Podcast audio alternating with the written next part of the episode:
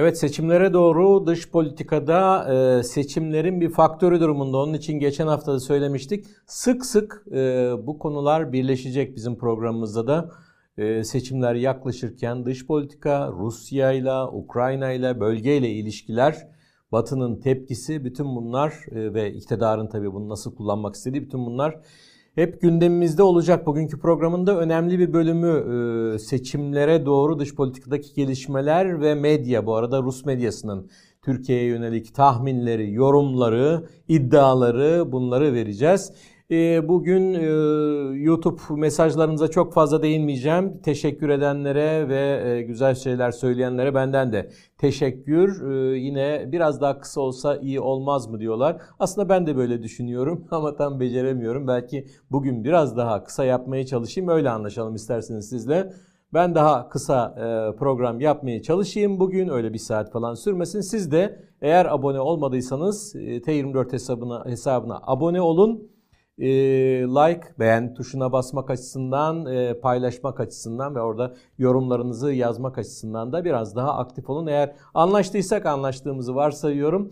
Bugünkü programda Kılıçdaroğlu'nun Rusya ile ilgili açıklamalarını e, aktaracağız. Rus basınını aktaracağız. Rus basında Türkiye ile ilgili yorumları ardından e, Esad-Putin görüşmesi ve Türkiye ile ilgili birkaç uluslararası gelişme var. Onları özetleyeceğiz ve Uluslararası Ceza Mahkemesi'nin Putin ile ilgili yakalama kararı çok önemli bir karar. Onu yorumlayacağız ve son olarak e, Moskova'daki Çin, Rusya üst düzey zirvesini ele alacağız. Böyle bir gündemimiz var. Nereden başlayalım? Kılıçdaroğlu'nun e, Rusya mesajlarıyla başlayalım.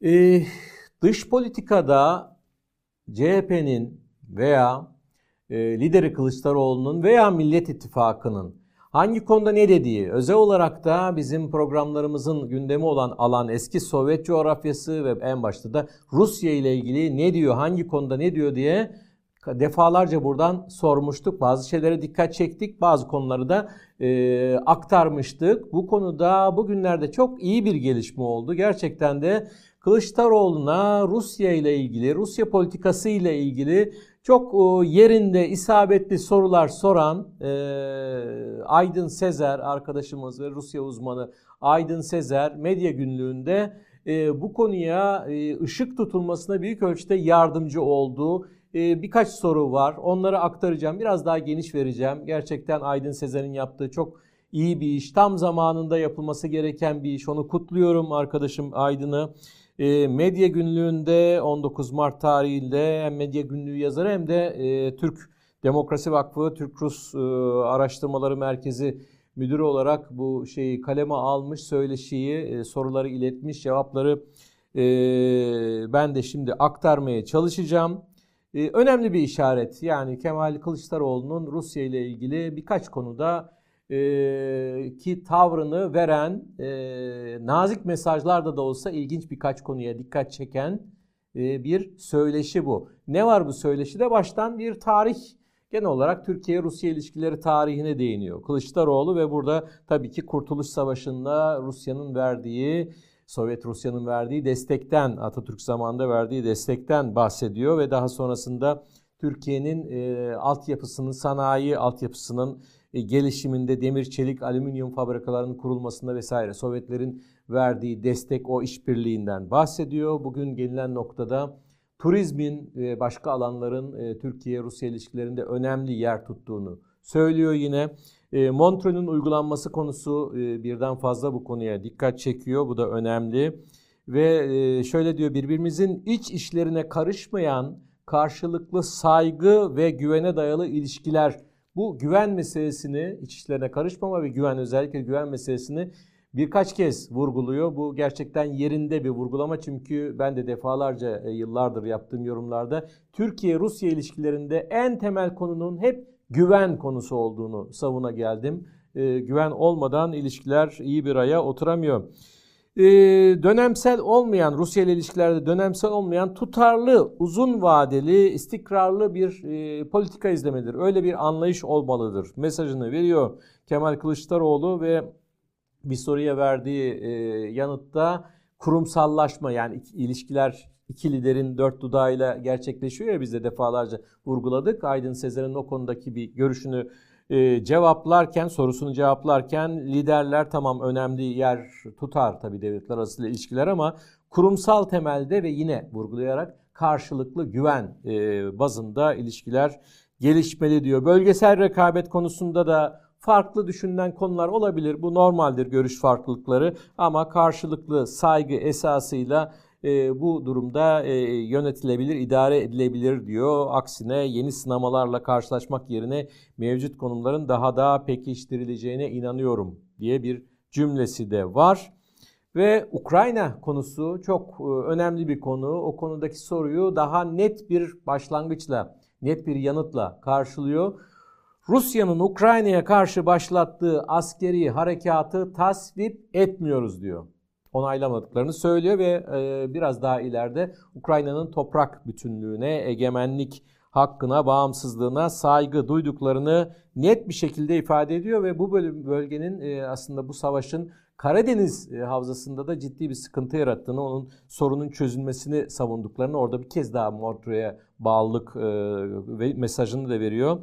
Ve aynı zamanda bu savaşın devamı ile ilgili hani Türkiye arabulucu olur mu Erdoğan döneminde yapılan şey eğer iktidar değişirse devam eder mi konusunda da aslında orada isabetli bir mesaj var. Türkiye diplomasinin e, elindeki birikimlerle bu konuya katkı vermeyi isteriz mesajı var.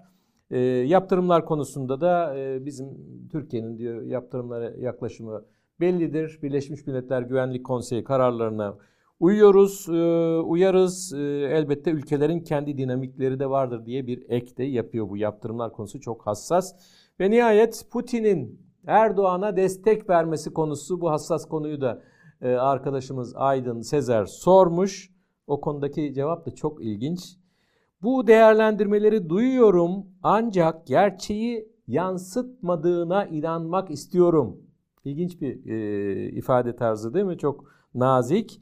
Ee, Türkiye ile Rusya arasındaki ilişkilerin en önemli unsurunun güven bir kez daha güven olduğuna e, vurgu yapıyor Kılıçdaroğlu. Karşılıklı olarak iç işlerine karışmamak, hele hele seçim gibi konularda taraf tutan ya da öyle yorumlanan davranışlarda bulunmamak gerekir. Bizim anlayışımız böyledir. Rusya'nın da buna benzer yaklaşımları olduğunu da eklemiş. E, son olarak Suriye politikasını CHP'nin zaten belli bir süredir sürdürdüğü Suriye politikasını da vurguluyor ve depremlerden e, bir süre sonra Esad'a gönderdiği e, taziye mesajından da bahsediyor. Gerçekten güzel bir söyleşi. Tabii her şeye cevap vermiyor. Her konuda soru, her konuda cevap da yok. Bunu da e, her söyleşiden bekleyemeyiz ama geçen e, programda da söylemiştik. Çok enteresan, e, hassas konular var. Akkuyu'da ne olacak?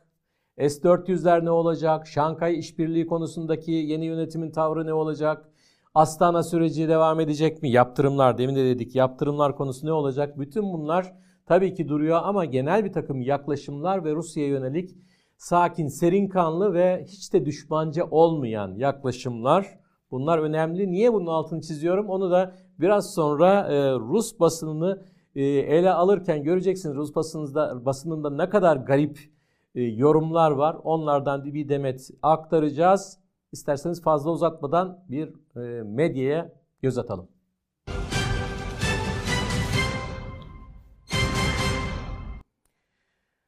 Rus basını o, o daha önemli. Onu öne alalım ve ondan e, birkaç örnek verelim. E, Türk basını ve Batı basını biraz daha zayıf tutalım. E, zararı yok bence. Şimdi Alexander Dugin'den defalarca bahsettik. Türkiye ile en çok ilgilenen Ruslardan biri herhalde işbirliği yaptığı Vatan Partisi ve Doğu Perinçek'in de adını defalarca telaffuz ettiği bir yazı yazmış.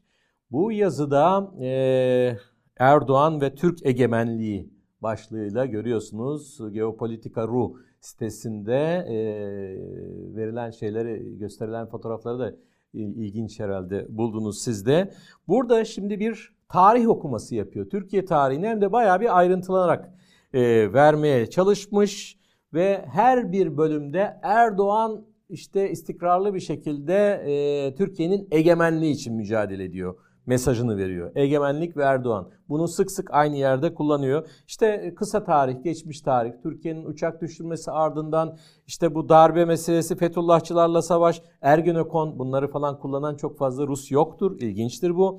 Ergenekon konusu 2016'dan itibaren Erdoğan'ın e, istikrarlı bir şekilde e, şöyle söylüyor. E, yurtsever Kemalizme yakın yani öyle Kemalizme de değil. Yurtsever Kemalizme yakın ve kısmen Avrasyacılık düşüncesine yöneldiğini söylüyor. İlginç değil mi? Erdoğan'ın Avrasyacılık, kısmen Avrasyacılık ve yurtsever Kemalizm ve egemenlik yine vurguluyor. Zor bir dönem diyor şu anda Erdoğan için. Hem onun yaşı var, sağlık meselesi var vesaire. Erdoğan'ın bu son e, dönemi olabilir ama bu bu önemli bir dönem. E, şimdi tekrar şeyi vurguluyor. Kılıçdaroğlu'nu bir liberal olarak niteliyor. Liberal Kılıçdaroğlu'na göre yurtsever Kemalistler de diyor Erdoğan'ın yanında aslında. Saf tutuyor hatta Erdoğan'ı yeşil Atatürk olarak niteliyorlar diyor. Böyle şeyler yazmış. Ve e, Türkiye'nin tam da şu aşamada bu egemenlik konusuna önem veren Erdoğan yönetiminde artık dünya uluslararası e, çapta dış politikada çok kutupluluk, Rusya'yı da gözeten çok kutupluluk tezini artık bir şey olarak, ideoloji olarak da dış politikasını yazması gerekir. E, fikrini savunmuş ve şöyle bitiriyor bu seçimler Türkiye için oldukça önemli, belirleyici. Rusya bu koşullarda bazen şey olarak bakabilirsiniz diyor Erdoğan işte bir adım ileri iki adım geri sağa sola gidiyor, yalpalıyor. Bunlar önemli değil. Bizim anlamamız gereken şey şu Erdoğan en başta egemenlik konusuyla ilgili ve objektif olarak Türkiye'nin egemenliği ancak Rusya ile işbirliği içinde mümkündür ve bu koşullarda Erdoğan'ın mevcut e, durumda Rusya için en iyi seçim olduğu ortadadır diyor. Bu kadar iddialı yorumlar e, Türkiye'ye çok yakın ilgi duyan, Türk medyasında kısmen de dünya medyasında Putin'in sağ kolu beyni vesaire diye abartılan, bunu defalarca söyledim bir kez daha söylüyorum. Kremlin'de bazı çevreleri etkiliyor olabilir ama öyle çok fazla etkisi olmayan Rus milliyetçisi hem din hem milliyet unsur, milliyetçilik unsurunu Türkçü falan değil Rus milliyetçisi ama böyle ilginç şeyler oluyor işte. Doğu Perinçek'in de geçmişini biliyoruz. Dugün'ün de geçmişini biliyoruz. Daha önce de vermiştim gerekirse bunlara daha uzun bir şekilde de girebiliriz. Böyle bir şey. Bir başka konuya gelelim. E, TAS Rusya'nın ve Sovyetler Birliği'nin eski e, malum en ünlü devlet ajansı TAS'ta bir yorum var. Erdoğan'ın zor savaşı mı diye Kiril Jarov, TAS yorumcusu ve Türkiye'de bilen biri aslında ama burada birkaç şeye e, dikkat çekmek istiyorum. Türkiye'de diyor e, şöyle bir görüş ağırlık kazanıyor diyor. Bu çok tartışmalı bir şey.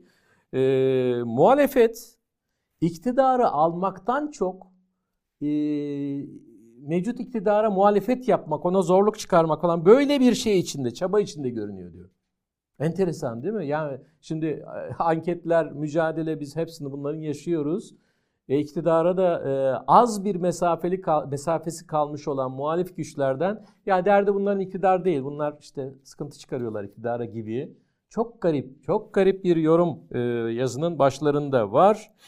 Ee, ve bu bunun göstergelerinden biri de diyor bu şeyin Millet İttifakı'nın içinde çok e, fazla değişik şeylerden birbirine uymayan unsurların olması gibi garip bir yorum yapmış. Aynı şeyi ama Cumhur İttifakı için söylemiyor. Orası diyor bir daha sağlam bir yapı gösteriyor diyor. Yorum yapmasam da olur herhalde bu konuda özellikle son gelişmeler. Onlar belki biraz daha erken yazıldığı için şey e, bazı unsurların ne tür tepkiler gösterdiğini, kimilerinin katılmadığını Fatih Erbakan falan bunları da katılmış sayıyor ama onları belki daha önce yazmış olabilir oraya takılmayalım ama e, Erdoğan'ın ve iktidarın çok net olarak en az 2040'a kadar bir planın olduğu, gelişme planı Türkiye ile ilgili net bir plan 2040'a kadar Niye elinizi korkak alıştırıyorsunuz sayın TAS yorumcusu? 2040 olur mu? 2071'e kadar var. Net her şeyi böyle A'dan Z'ye yapılmış bir plan var. Böyle söyleseniz daha iyi olurdu. Şimdi e, deprem diyor önemli bir faktör oldu. Biraz zorluk oldu anlamında söylüyor. E, sıkıntıya e, soktu iktidarı. İktidar önce sustu diyor. Çok akıllıca bir şey. Hani taktik uygular gibi sustu. Sonradan e, bence diyor çok net bir şekilde, anlaşılır bir şekilde ve e, argümanları çok iyi yerine oturtarak e, bir karşı şeye geçti ve insanları ikna ediyor. Ne yapıldı, ne yapılmadı, nasıl gidiyor vesaire ve bundan da e, güçleniyor iktidar mesajını veriyor. Deprem belli bir yıkım vesaire yaratsa da e, bu, bu koşullarda iktidar güçlenirken muhalefetle ilgili şöyle bir şey söylüyor. Yani bunların üzerinde durmasam olmaz. Çok garip çünkü bu yorumlar. Bu koşullarda şöyle bir soru gündeme geliyor. Nasılmış soru? Şimdi göreceksiniz. Ee, muhalefetin bu yükü omuzlamak yerine 5 yıl daha beklemek, bu yükün olmadığı 5 yılı bekleyip sonra iktidara gelmeyi hedeflemesi konusu gündemde değil midir diyor. Çok çok ilginç değil mi ya? Moskova'dan bakınca böyle mi görünüyor ya da ne bileyim yani e, Türkiye'yi de yakından bilen bir uzman ne diyeyim daha bilmiyorum. Rozet var mı rozet? Yani AKP yazılı falan bir rozet var mı? Türkçe, Rusça bilmiyorum. Taşıyor musunuz böyle bir şey? Yani bakın gerçekten e, defalarca bu programda da söylediğim bir şey var. Gazetecilik ve yandaşlık bunlar bunlar olmaz, birlikte olmaz. Biz yandaşlık deyince AKP iktidar sağ güçlerin yanında hayır onu da demiyorum.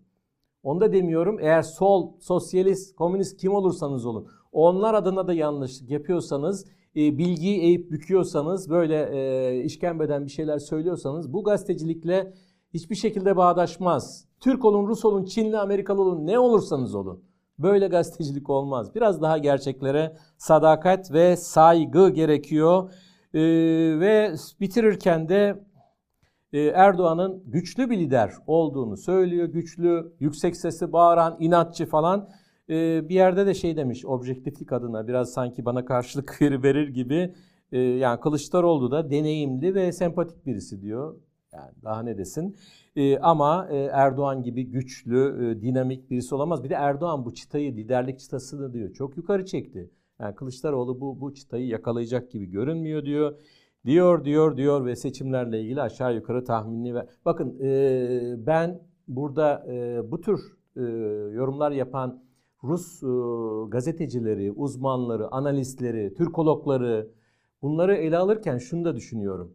Garip bir yanlılık var. Rusya'da ağırlık işte yönetim destekliyor. Bunun için böyle diyorlar. Türkiye'de eğer yönetim değişirse bütün bu arkadaşlar aynı şeyleri söyleyecekler mi? Hayır, hayır söylemeyecekler. Türk-Rus ilişkileri nereye gidiyorsa Putin onu önemseyecek veya Kremlin onu önemseyecek ve bütün bu arkadaşlar da anında ağız değiştirecekler. Onlara da yüklenmiyorum aslında. Bakmayın bir iki şey dayanamadım söyledim ama yani bunlar e, bir gazetecinin böyle taraf olmaması gerektiğini gösteriyor o açıdan. Yoksa bunların hepsinden deneyimli, tecrübeli isimler de var, değerli isimler de var. Ama buralara düştükleri, bu düştükleri durum da gerçekten çok problemli. Umarım e, yeni dönemde onlar da e, gelişmelere göre bağlı gelişmelere bağlı olarak hani bizdeki gazeteciler de e, manevra yapmaya şimdiden başladılar ya rüzgar Rusya'ya gitmemiş galiba. Gider. Onlarla da bir sürü şey konuşulur diye düşünüyorum katkılarını yaparlar umarım e, Türk-Rus ilişkilerinin gelişmesine. Ve nihayet bir başka e, gazete daha onu çok fazla e, abartmayayım bu son iki şeyi verdim. Yuri Svetov'un bir yorumu var. E, Erdoğan gelirse ne olur e, diye Türkiye'de Rusya açısından riskli olur diyor. Sargrad bu da benzeri bir muhalif e, milliyetçi, Rus milliyetçisi bir şey. Ee, bizim açımızdan riskli olur diyor. Anketleri biraz vermiş ama anketlere de güvenilmez. Bunlar Amerika'nın, İngiltere'nin daha çok şeyi, işi falan diyor. Ve e, işte Kılıçdaroğlu NATO hükümlülüğünden bahsediyor. Demek ki işte Rusya'ya sırtını dönecek. Başka bir yere gidecek. Yine yine burada da bunun dile getirdiği sank şeyler, yaptırımlar ne olacak diyor. Yani Rusya'ya yönelik yaptırımlara Türkiye katılacak, katılmayacak. Bu önemli bir soru. Bu önemli bir soru altını çizmek gerekiyor. Yeni iktidar da eğer iktidar değişecekse bu konuda bir tavrı olması gerekiyor. Ee, yazının bitişi de çok neşeli. Onu da vereyim isterseniz. Tabii diyor biz Erdoğan'la, Erdoğan yönettiği, yönettiği Türkiye ile işbirliği falan yapıyoruz ama unutmamak gerekir ki Erdoğan e, bir Rus politikacısı değil, Rus yanlısı değil. Erdoğan Türkiye'nin çıkarlarını her zaman düşünen biri ve Türk e, politikacısı onun için Türkiye'nin çıkarı neredeyse orada e, Erdoğan'ın da tavrı. Dolayısıyla Erdoğan'dan da her şeyi beklememiz gerekir diye böyle e, gayet e, cansperane bir şekilde, mantıklı bir şekilde bir şeyler savunmuş. Türk basınından tek bir şey verelim ve birkaç saniye verelim. Yeni Şafak. Şöyle bir göz atın. Ünal Çeviköz. Başlığa bir bakalım. Rusya ile ilişkileri bozma vaadi. Nasıl başlık? Ünal Çevikköz konuşuyor ve bizim vaadimiz diyor Rusya ile ilişkileri bozacağız arkadaş. Yorum yapmayayım. Geçelim bunu. Şimdi e, Batı e, basınına da bakalım. Reuters'ta bir şey var ilginç. E, Putin Rus milyarderlere vatanseverliği karın önüne koymaları gerektiğini söyledi. Yani aslında gözdağı veriyor ve buna dikkat çeken bir yorum bu. Ee, yine e, toplamış oligarkları, Rus zenginlerini daha önce de onlara gerekse vergi yükü vesaire bir takım şeyler el konulabilir. Ee, daha çok anlayış, daha çok katkı e, ve karınızı düşünmeyin. Memleketi düşünün diyor. Orada tabii Ukrayna'ya mecburen saldırdığını falan da söylüyor ve e, yeni adımlarda e, Rus sermayedarlarını yeni şeylere, gelişmelere ayak uydurma, uydurmaya şu andan hazır olmaları gerektiği konusunda gayet ciddi bir şekilde uyarıyor. Bir başka konu da Fransa'dan alalım bir başlık. Rusya Devlet Başkanı Vladimir Putin gerçekten tutuklanabilir mi? Böyle bir şey var aslında buna daha ileride e, biz şey yapacağız. E, onun için sadece e, bu e, kararı çıkaran Uluslararası Ceza Mahkemesi'nin savcısı Karim Han, Pakistanlı bu savcı. E, bu 123 ülke bu kararı tanıyan veya mahkemeyi tanıyan 123 ülkeden herhangi birine Putin giderse tutuklanabilir mi diye soru sormuşlar. O da cevap olarak doğru demiş. E, ve son olarak Financial Times'e bakalım. Putin'in savaşı Rus kültürünün altın çağını nasıl yok etti diye ilginç bir konuya e, değinmiş. Şimdi Kremlin'den siparişler veriliyor bölgelere siparişler veriliyor. İşte tiyatro alanında işte şöyle yapın böyle video çekin. Ee, Sibirya'nın e, ücra bir köşesinde Putin'i ve savaşı destekleyen video çekin diye bir şey gidiyor. Talimat yapmayız diyorlar sonra işte yapmayınca da onlar açısından kötü oluyor. Aynı şey e, Petersburg'da ve başka yerlerde de var ve orada yapılan bir açıklama gerçekten iç acıtıcı. Sanatçılar açısından da kültür insanlar açısından da. Rus tiyatrosu diyor dünyanın son yıllarda en iyisiydi belki. Ee, Avrupa'dan da çok şey öğrendik. Yükseliyorduk. Tam zirve noktasında bu darbeler geldi ve biz ölümcül bir darbe aldık tiyatro olarak diyor. Evet bunu burada bırakalım ve Türk-Rus ilişkilerine geçelim. Türk-Rus ilişkileri Esad ve diğer birkaç konu e, şeyinde e, odağında birkaç gelişmeyi kısaca özetleyelim. Türk-Rus ilişkileri.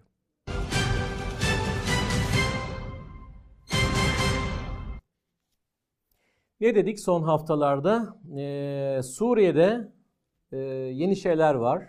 Bir kere Astana sürecindeki o denklemdeki oyuncular yani Suriye üzerine Rusya'nın, Türkiye'nin, İran'ın dolaylı olarak da Suriye yönetiminin tabii o Astana süreci e, bir de e, özellikle Erdoğan'la Esad'ı bir araya getirme yolunda Putin'in aracılığıyla başlatılan bir süreç var. işbirliği şeyleri. Bunda üç ülke baştan başlamıştı. Ama buna İran'ın da itirazı ve Rusya'nın e, belki de Suriye'nin de katkılarıyla dörtlü bir şey yapı haline getirdiler bunu ve geçen hafta içinde toplanmaları gerekiyordu. Dışişleri Bakanları yardımcısının yardımcılarının Moskova'da toplanmaları gerekiyordu. Olmadı. Olmadı böyle bir şey. Ee, Türkiye'de Dışişleri Bakanlığı'nın açıklamasına göre Rus Dışişleri Bakanlığı ya bunu biz biraz erteleyelim tam hazır değiliz mesajı vermiş. İyi gitmeyen bir şeyler var. Ama aynı sıralarda tarihini daha önceden bilmediğimiz e, Suriye Devlet Başkanı Esad'ın Moskova gezisi yapıldı.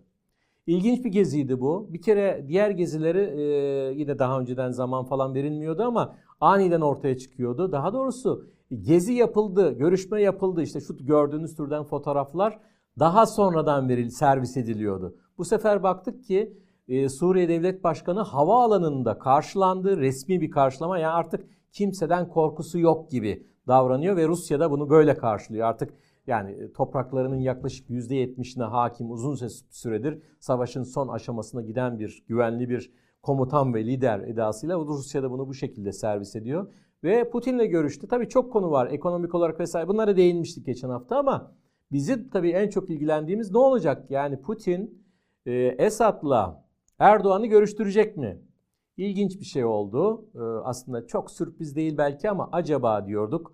İlginç bir şey oldu. Esad bu görüşmede ve görüşme sonrasında yaptığı açıklamada böyle bir şey için koşullarının hala gündemde olduğunu, hala masada olduğunu söyledi. Koşulları biliyorsunuz. Türkiye'de bir araya gelmek için Türkiye lideriyle Türkiye'den e, bölgeden çıkmasını istiyor. Koşulsuz bölgeyi hemen terk edin TSK'nın.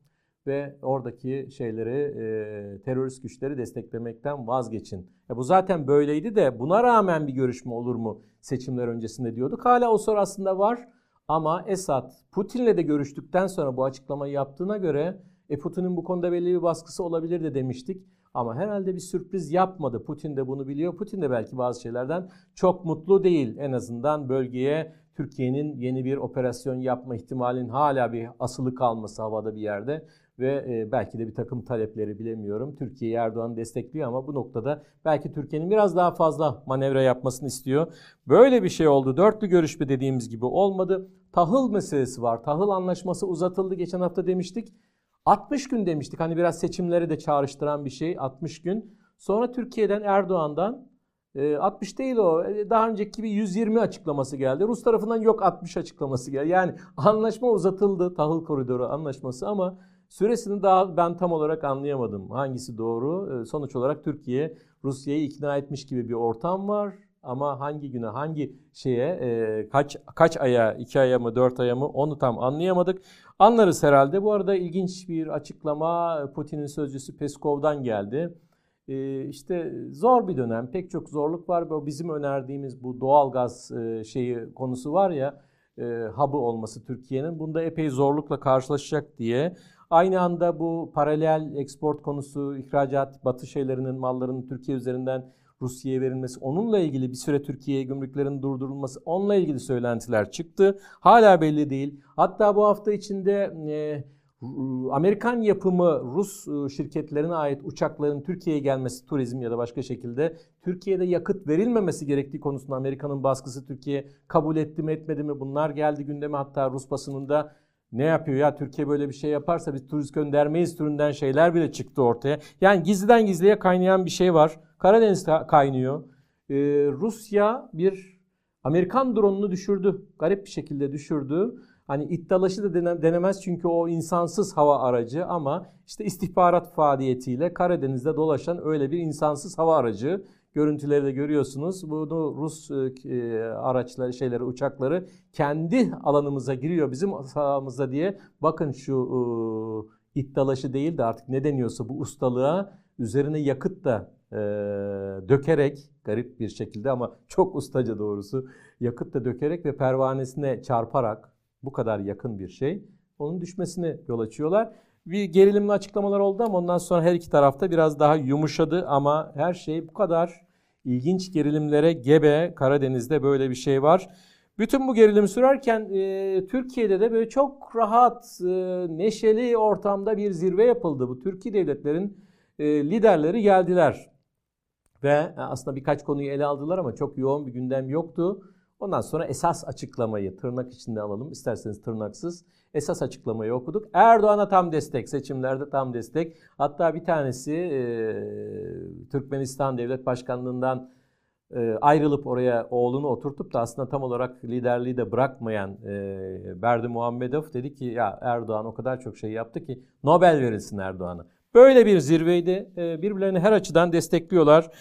E, liderler, benzer yapıdaki liderler. Bu arada savaş sürüyor. Bugün pek fazla değinemeyeceğiz. Bahmut, Bahmut'ta 71 bin e, görünüyor nüfusu. Artık pek insan falan yok. Bunun için haftalardır, aylardır savaş sürüyor ve ölenlerin sayısı 100 bini geçti. 70 binlik bir kent için 100 bini geçti. Putin bu hafta içinde Kırım'a gitti, Mariupol'a gitti, bir gövde gösterisi, orada bir takım insanlarla, halkla görüşmesi falan bunların propagandasını uzun süre yaptı. Yani o oralar bizimdir. Ee, Ukrayna geri almak istiyor, Batı buna karşı yani Batı da geri vermemizi istiyor falan ama oralar bizimdir mesajını vermek için Putin aniden o bölgelerde ortaya çıktı ve Rus televizyonları bunu e, epeyce yoğun verdi.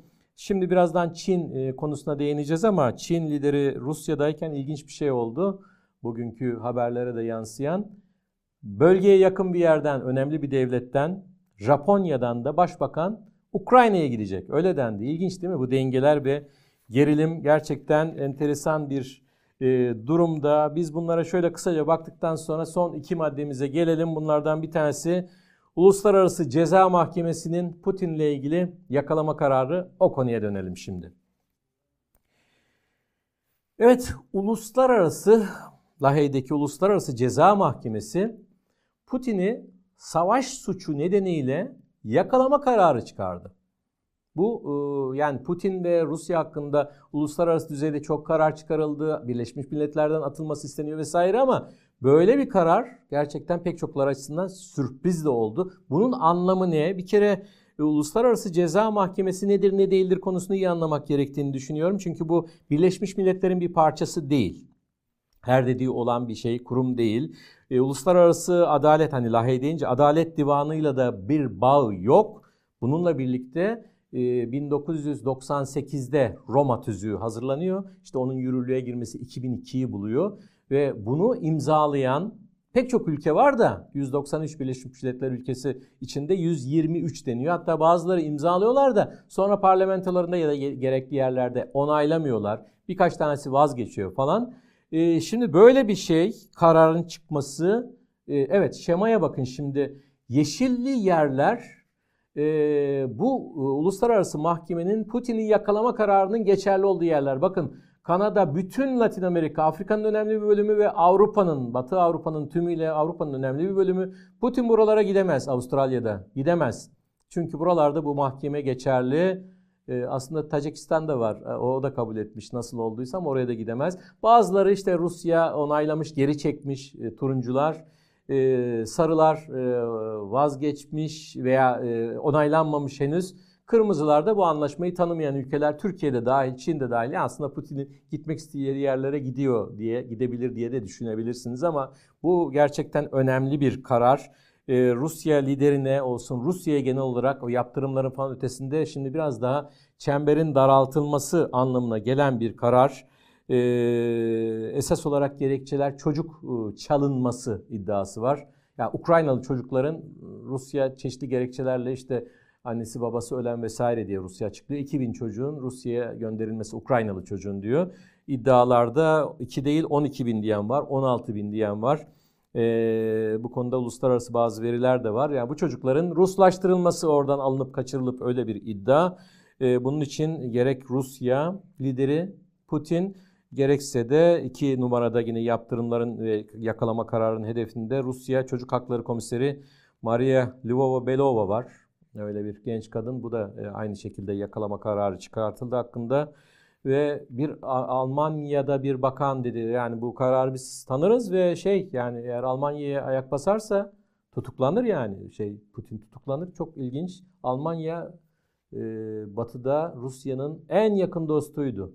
Nerelere gelindi görüyorsunuz e, ve bu tür kararlar herkes ondan dem vuruyor. İşte Sudan'da Elbeşir e, onunla ilgili çıkarılmıştı. Yugoslavya Milosevic, Libya'da Kaddafi vesaire. Onlarla aynı sırada artık Putin'in adı, adı anılıyor diye e, Batı kaynakları özellikle bunu epeyce kullanıyorlar. Tabii ki bir kuşatma, bir izolasyon, bir siyasi baskı ve bu arada acaba Putin'in yakın çevresi paniğe kapılır mı?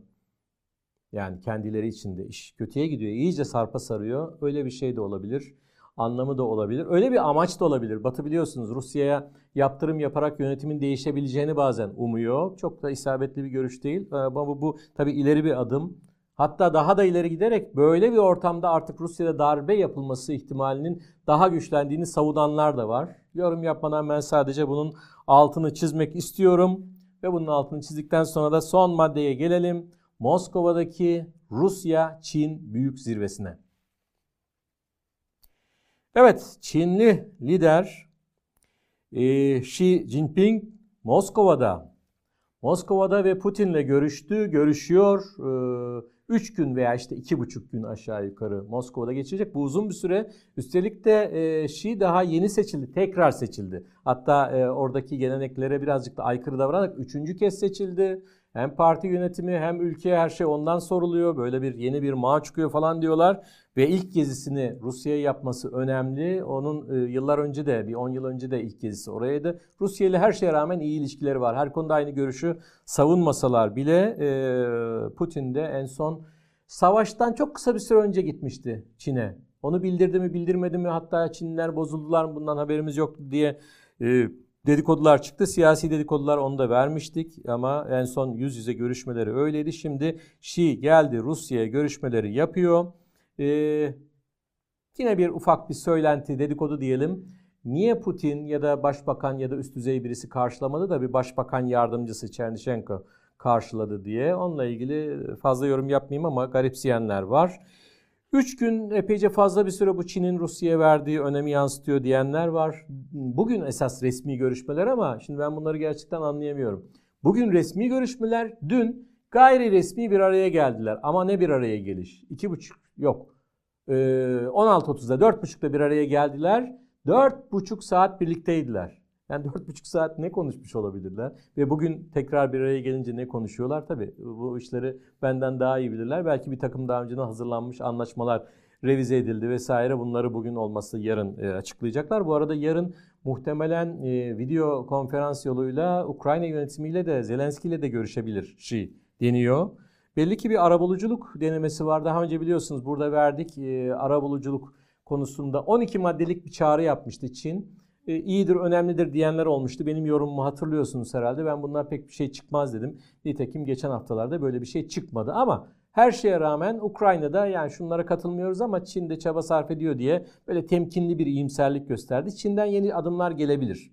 Aslında Çin'in e, Rusya ile ilişkileri, ekonomik ilişkiler de dahil sıkı tutma girişimleri, Rusya'yı etkileme, kimilerine göre Rusya'yı bir uydusu haline getirme, iyice zayıflayan Rusya'yı bunlar da var, bu yorumlar da var. Ama bu arada savaşın gidişine de Çin'in artık damgasını vurmaya hazırlandığını gösteren bir şey olduğunda söylüyorlar. E, bu 12 e, maddelik çağrı herhalde son çağrısı girişimi değil. Yeni şeyler de olabilir Çin'den. Yarın bakalım ne görüşecek bir ortak açıklama olacak mı Rusya ile ve ardından e, Ukrayna yönetimiyle. İkili ilişkiler de tabii çok önemli. Bunu Putin vurguladı. Geçen yıl 87 milyar dolarken bu yıl 185 milyara falan çıktı dedi ikili ilişkiler hacmi. Tabi burada şunu da belirtmeden geçmeyelim. Ee, batı'ya Rusya'nın veremediği gaz ve petrolü ucuz, ucuz oldukça ucuz rakamlarla e, kapatıyor Hindistan'la birlikte Çin. Rusya'nın hem lehine hem aleyhine yani Çin bundan çok iyi yararlanıyor. Çok ustaca yararlanıyor. Ve e, işte birbirlerinin gazetelerinde yazdığı yazılar var. Çin liderinin yazısını okusanız da pek bir şey anlamıyorsunuz. İnsanlık, uygarlıkların şeyi, geleceğe mutlu yolculuk vesaire. Yani hep semboller hem böyle doğu şeyleri, e, yöntemleri her tarafa çekilebilecek anlatımlar. Putin de onların e, şeyinde parti gazetesi Halkın Günlüğü Renmin Ribao bazıların okuyuşuyla Renmin Ribao neyse orada 3 milyonluk çok büyük bir gazete orada bir yazı yazdı. Orada daha çok işte Batılıları eleştirdi. Çin'le böyle birleşeceğini düşünüyor. Batı karşıtı olarak birleşeceğini ve Ukrayna konusunda mecburen bu adımları attık vesaire dedi. Sonuç olarak e, Ukrayna konusunda Çin'in ne yapacağını bakacağız, ne önereceğini bakacağız ama bakacağımız çok önemli bir başka şey daha var. Hani iddialar vardı son haftalarda. Hatırlatayım sadece. Rusya'ya Çin silah verir mi? Verirse güçlü miktarda silah vermesi ki zaten sembolik vermez herhalde diye düşünüyoruz. Böyle bir şey olursa Çin'in Batı ile ilişkileri çok bozulabilir. Böyle bir şey yapar mı? Tam benim aklım almıyor ama belki de bir şeyler. Tabii konunun çok boyutu var. Tayvan ve başka konulardaki e, boyutu var. Batı da özellikle ABD e, tam karşısına almış durumda. Yani Rusya ile uğraşıyor tabii ki şu günlerde ama esas bizim sorunumuz Çin diyor. Çünkü dünyada en önemli iki güç var. Biri ABD, biri Çin. Gerçek rakipte Çin gibi görünüyor ama bu arada e, Rusya zayıflıyor. Çin ne diye ne düşünüyor olabilir dediğimde ben kendi yaklaşımımı daha önce söylemiştim. Kısaca tekrarlayarak bitireyim programı da. Ee, savaşın ne Batı tarafından, Batı ve Ukrayna ne de Rusya tarafından kazanılması net bir galibiyetle Çin'in işine gelmez gibi geliyor. Zayıflayan ama sonuna kadar yenilmeyen, pişman, e, perişan olmayan, Batı'yı çok güçlendirmeyen, yani bir Rusya, bir, bir tür beraberlik belki e, Çin'in daha çok işine gelir. Savaşın uzamasını istemeyebilir artık. Çünkü olmadık noktalara gidiyor. Nükleer konusu tekrar çıktı ortaya falan. Ama e, zayıflayan bir Rusya'da e, Çin'in uydusu olabilir ya da Çin'e bağımlı hale iyice gelebilir. Çin e, derinden ve çok güçlü adımlarla ilerliyor. Bakalım önümüzdeki dönemde Çin-ABD kapışması bunun Ukrayna e, ve bölgemizdeki yansımaları ne olacak diyelim. Ve bu haftaki yayınımızı bir saati bulmadan ne kadar oldu? 42-43 dakika mı? Burada bitirelim. Önümüzdeki hafta tekrar görüşmek üzere. Hoşçakalın.